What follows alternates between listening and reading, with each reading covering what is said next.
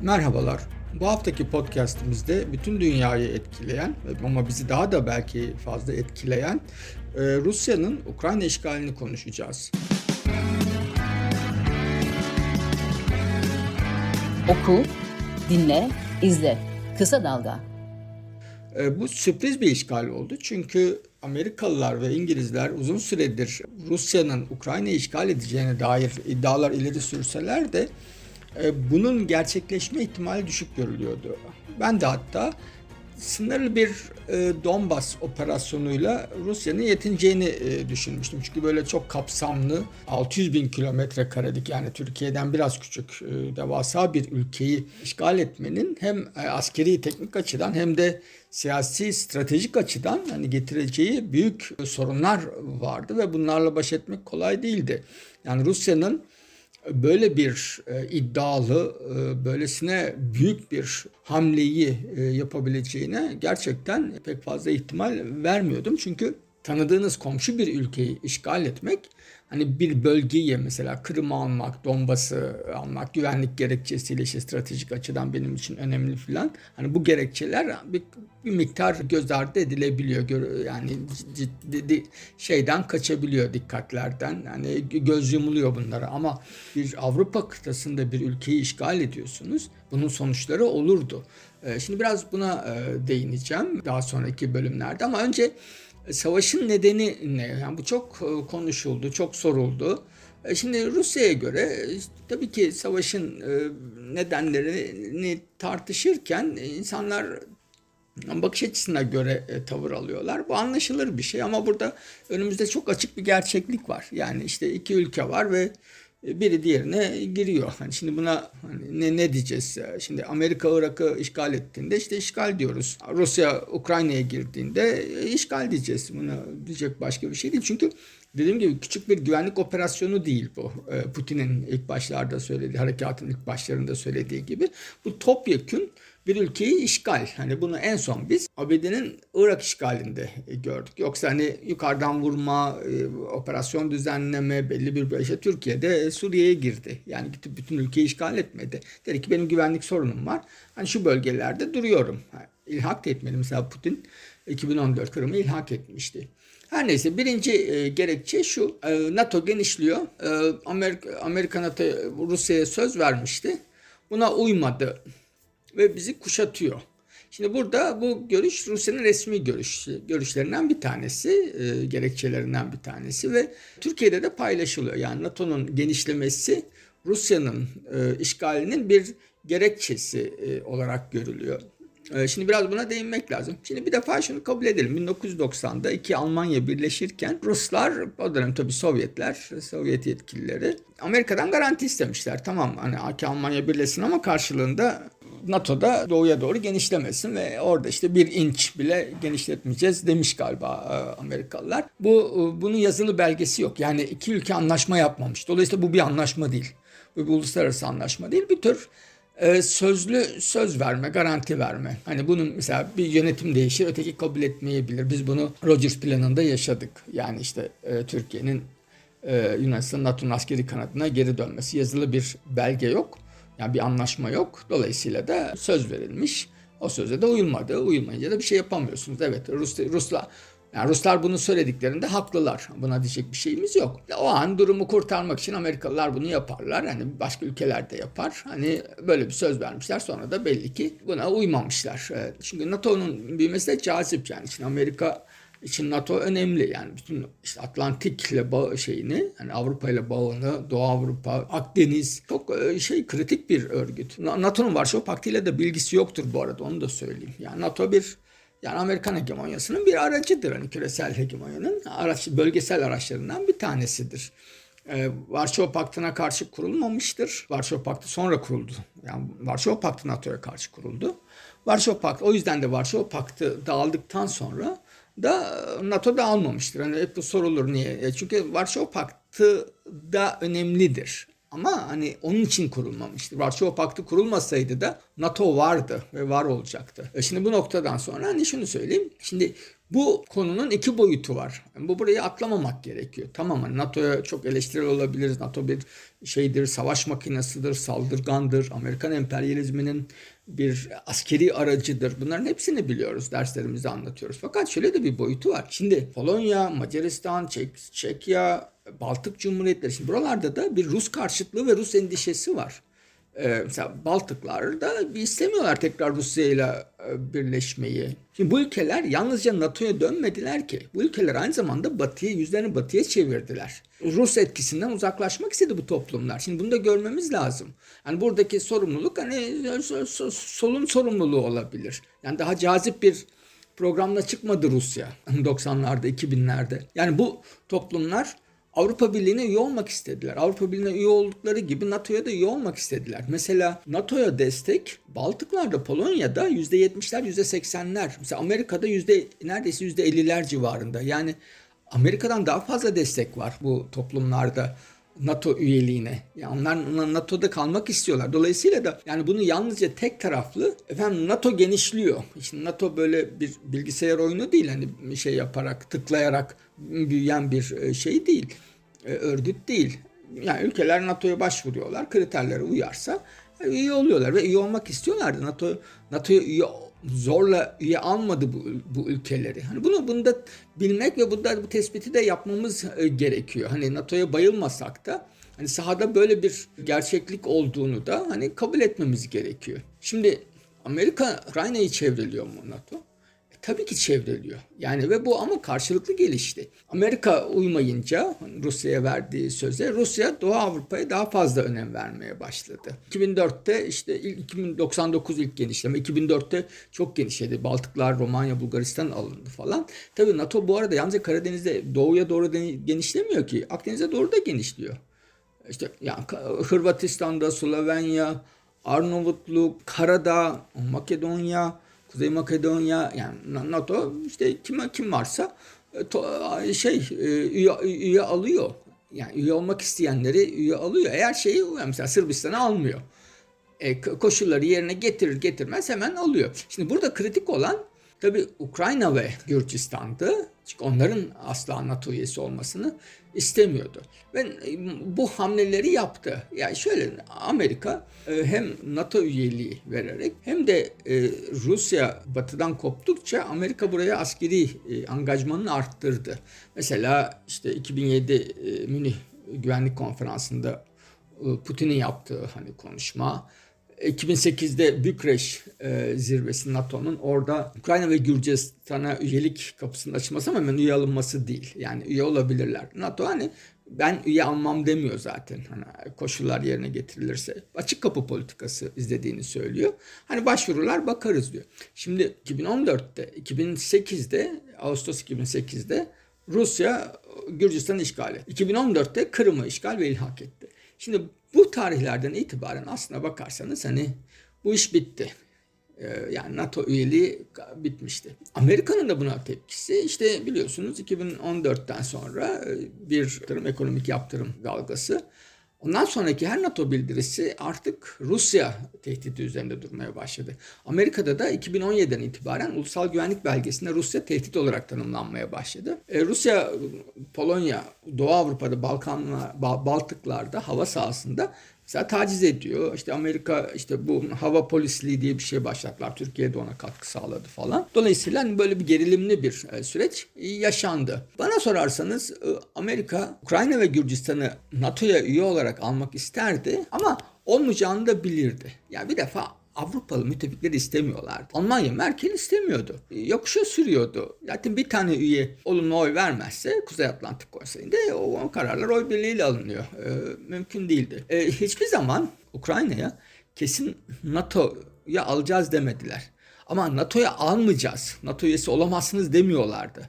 Yani koşulları yerine getirin olabilir. Yani bu NATO'nun örgüt olarak bir uluslararası örgüt olarak tavrı zaten. Mesela Aralık 2021 en son zirvede son derece muğlak ifadeler var Ukrayna'nın üyeliğine. Ben şimdi okudum zirve bilgisi, işte resmi belge. Yani güvenlik sektörü reformu yapması lazım. İşte ordusunu reformu edecek. Yolsuzluğu hani bitirecek, e, yolsuzluk sorununu halletmesi lazım. Bu şey demek hani biz seni almayacağız demek. Yani çok muğlak şeyler. Şimdi yolsuzluğun bittiğini ne zaman anlayacaksınız falan. Belli ki Amerika o kapıyı açık tutup ama şimdi de yani henüz de şey yapmıyor. NATO'ya üye yapmıyor. Aslında bu bir şekilde yani bu Ruslar bunu bilmezler mi? Tabii ki bilirler. Şimdi NATO'ya üye olmayacaklardı. Bu orta yoldu. Şimdi ikinci orta yolda şu. Bela istemiyorlar. Bir de içinde çatışma olan, Rus askeri olan bir ülkeyi NATO'ya alamazlardı. İşte bu mantık olarak mümkün değil. Bunu yapamazlardı. Yani hani bu yazılı olmayan bir kural tabii NATO ile ilişkili olan NATO'ya dair. Şimdi ikinci şey e, iddia işte bu Doğu Avrupa'yı e, cephaneliğe çevirdi. Evet askeri asker e, yığınağı yapıyor özellikle işte biliyoruz Yunanistan, Bulgaristan, Romanya hattına falan. Fakat Ukrayna'yı bir cephanelik haline falan getirmedi. Şimdi burada bu, bu, bunu düzeltmek gerekiyor. Hani o olgu neyse onu söylememiz lazım. Hatta mesela 2014'te Kırım'ı işgal edince Rusya Amerika yani Obama yönetimi non-lethal yani öldürücü olmayan, ölümcül olmayan silahlar vereceğiz dedi. Nedir? İşte gece görüş cihazı verirsiniz. Yani çelik yelek verir, miğfer verirsiniz falan.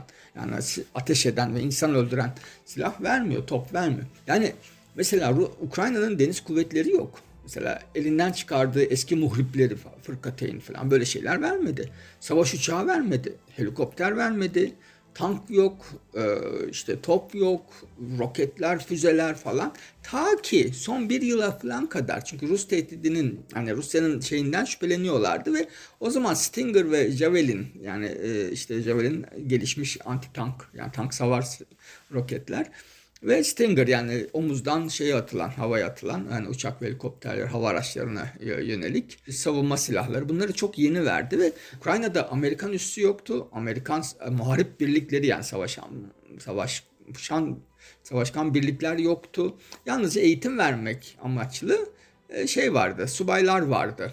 Dolayısıyla Ukrayna'yı Amerika NATO'ya almadı. Ukraynalı Ukrayna'ya yoğun askeri yardım yapmadı.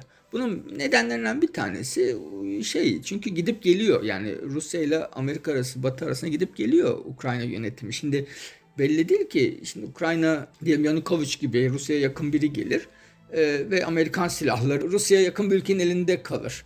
Şimdi bu, bu, bundan emin olmadan vermediler. Yani NATO üyesi değilsen o kadar silah vermiyor Amerika. Ya ikincisi de tabii Rusya'yı şey yapmamak için yani şey sık kullanılan terimle kışkırtmamak için. Yani oraya Ukrayna'ya asker yığmadı. Ukrayna'yı silahlandırmadı Amerika. Yani mesela yıllık 200 milyon dolar falan bunlar para değil hani silah sistem. Yani bir ülke ordusunu işte 200 bin kişilik bir orduyu falan hani donatmak için çok küçük miktarlar bunlar. İşte en fazla çıktığı şey 600 milyon e, dolara e, ancak ulaşıyor ki hala çok e, yüksek değil. Çünkü dediğim gibi en kritik şey yani konvansiyonel hani savaşlarda savaş uçağı yani çok eski bir filo.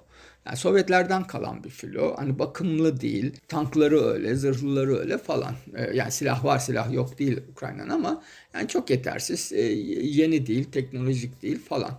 Dolayısıyla da hani ne NATO yap, ne NATO'ya üye yapıldı 30 yıl boyunca yani 92'den 2022'ye kadar yani tarihin herhangi bir diliminde herhangi bir noktasında apar topar bir oldu bittiyle Ukrayna NATO'ya alınmadı. Onu söylemek lazım. 30 e, yıl boyunca e, arada bıraktılar. E, ha Rusya'nın istediği güvenceyi de yani Ukrayna NATO'ya alınmasın bana yazılı güvence verin Şimdi bunu da yapamaz NATO. Bunu daha önce söyledim. Yani bu kendini inkar olur. NATO'yu kapatsa daha iyi olur. Yani bu şeyin NATO'nun bitmesi demek. Çünkü bir uluslararası NATO gibi uluslararası örgüte kimin üye olacağını Rusya karar vermeye başlarsa o örgütün artık e, varlık nedeni ortadan kalkar. Yani bunu hiçbir uluslararası örgüt kabul etmez. Rusya'nın başında olduğu işte kolektif güvenlik anlaşması örgütü var. Mesela oraya Ermenistan üye. Şimdi Amerika şey istese mesela hani Ermenistan oraya üye olmayacak bana garanti ver. Hani böyle, teknik olarak hani siyasetten bu tartışılır bir nokta tabii. Ama teknik olarak hiçbir uluslararası örgüt bir başka üçüncü devlete kimin o üye olmayan bir devlete kimin oraya üye olacağına dair garanti veremez. Bu mümkün değil. Üye olursunuz o zaman veto hakkınızı kullanırsınız. Mesela Türkiye işte Güney Kıbrıs'ın üye olmasını hani fiilen herkes biliyor. Gündeme getirmiyorlar bile. E, çünkü veto eder Türkiye ama içinde. Oku, dinle, izle. Kısa Dalga. ABD Ukrayna'yı yalnız mı bıraktı? Yani bu çok sık tekrarlanıyor.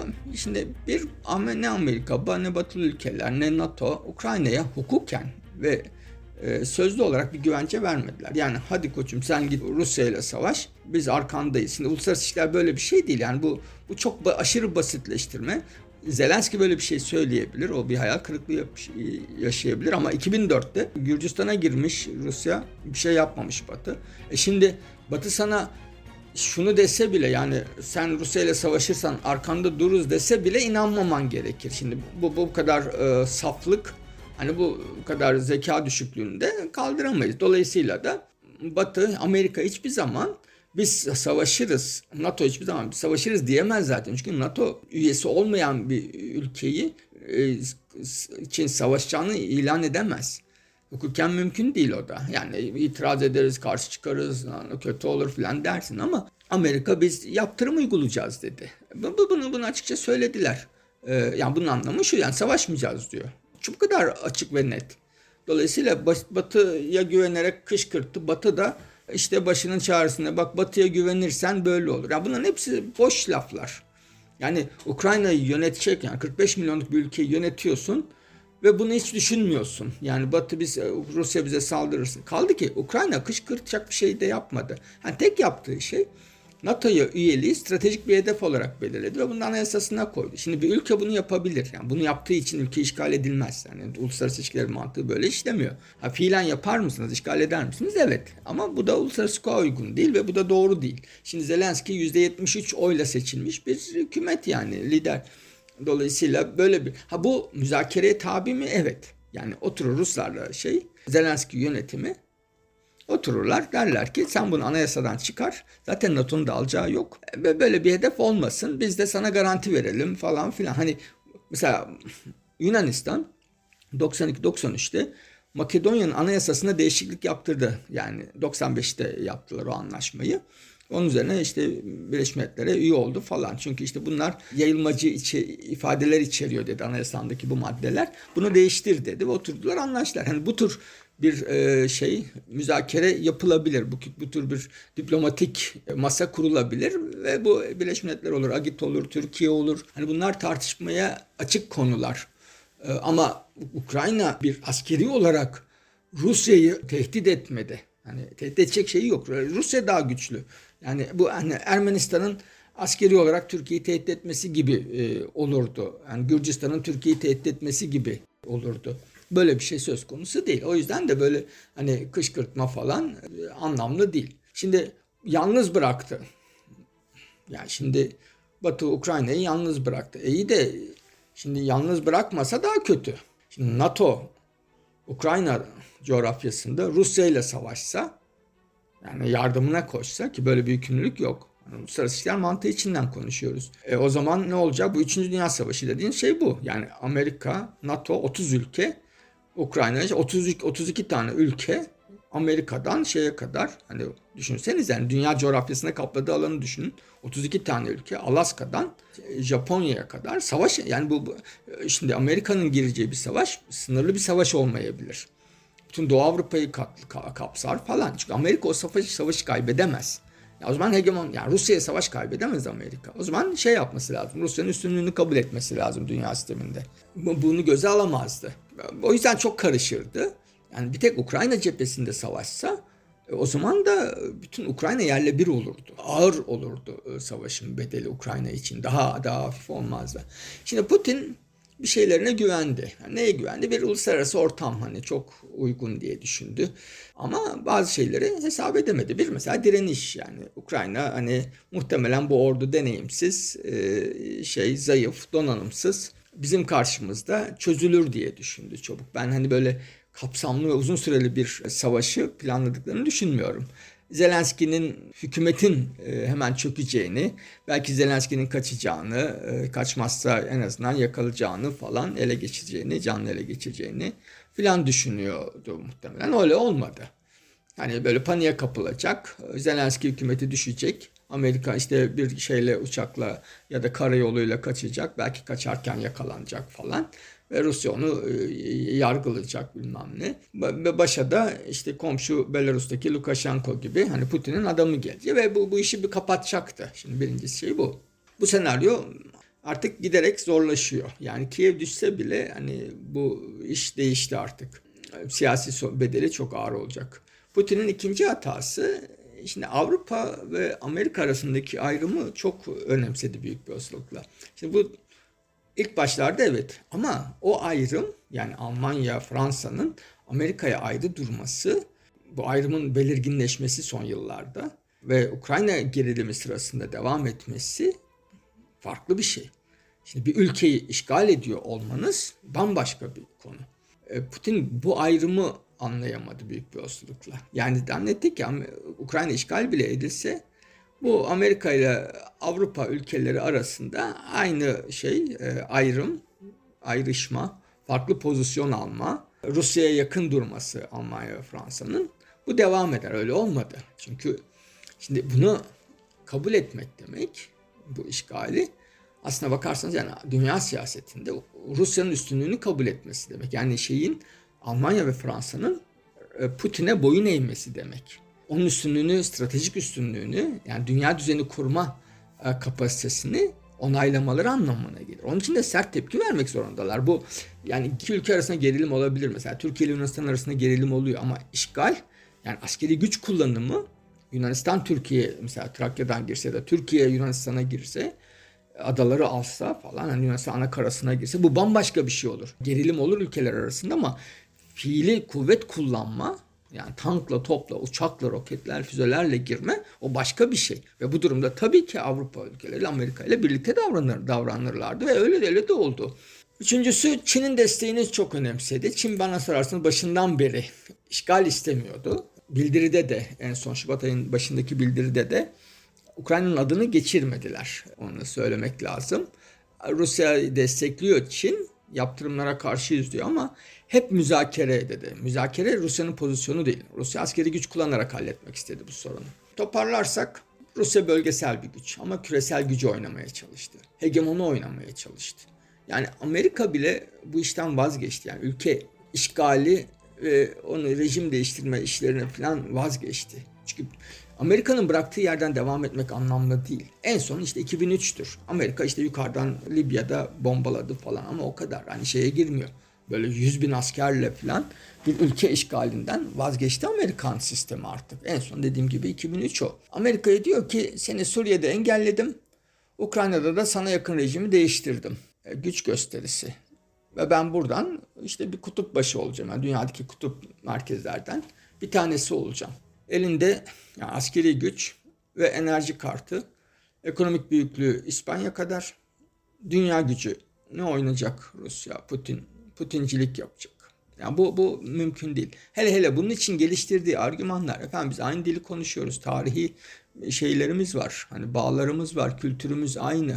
Yani aynı dili konuşanların aynı devlet altında bulunacağına dair bir uluslararası ilişkiler kuralı mı var? Kanada ile Amerika'yı ne yapacağız? Birleşsinler mi? Almanya ile Avuz Almanya Avusturya'yı işgal etsin? O zaman Saddam'a niye kızdık? Hani Saddam niye işgal ettiğinde bütün dünya çullandı. Siz niye o Birleşmiş Milletler Güvenlik Konseyi toplantısında şey yaptınız? Olumlu oy kullandınız. Bu bunlar çok hani saçma e, şeyler. Maksimalist bir politikaydı. Nereye evrileceğinin bir önemi kalmadı. Putin Donbas'ı alsaydı ve asker yığarak bir anlaşma imzalasaydı Zelenski hükümetiyle bu kadar patırtı kopmayacaktı. Şu an Batı kendi içiyle uğraşıyor. Yani pandeminin etkilerinden kurtulmaya çalışıyor. Biden'ın içeride başı dertte, Trump'la başı dertte. Avrupa kendi otonom e, güvenlik mekanizmasını oluşturmak istiyor vesaire vesaire. Çok sorun vardı Batı'da. Ve yalnızca mesela Donbas'ı kopartsaydı ve ilhak ettim. Birkaç yıl sonra ilhak ettim deseydi. Yani orayı askeri olarak kontrol etse tamamen. Mesela orada artık ruble geçse bilmem ne falan. Şimdi Batı bir şey demeyecekti. Ya Ukrayna bile, Kiev bile kabullenecekti bunu. Ama şimdi yıl olmuş 2021 bir topyekun bir ülke işgaline tepki olurdu. Bu çok büyük zarar verdi bana sorarsanız Putin'e de, Rusya halklarına ve tabii ki en çok Ukrayna halkına ve temsil ettiği ideolojiye de yani bana sorarsanız Avrasyacılığa da e, büyük zarar verdi e, Putin. Şimdiden e, yani mesela daha operasyonun 5. gününde görüşelim diyor. Bir taraftan da Minsk'te Belarus'ta görüşüyorlar ama bir taraftan da nükleer kartını, nükleer silah kartını, füze kartını kullanmaya çalışıyor. Bu bir sıkışıklığın göstergesi. Putin buradan nasıl çıkacak çok emin değilim ama e, şimdiden askeri olarak kazansa bile hani kaybetmeye doğru gidiyor gibi görünüyor. Teşekkürler. Kısa Dalga podcastleri Demet Bilge Erkasab'ın editörlüğünde Mehmet Özgür Candan'ın post prodüksiyonu ve Esra Baydemir'in hazırladığı görseller ile yayınlanıyor. Kısa Dalga'ya destek vermek için Patreon sayfamızı ziyaret edebilirsiniz.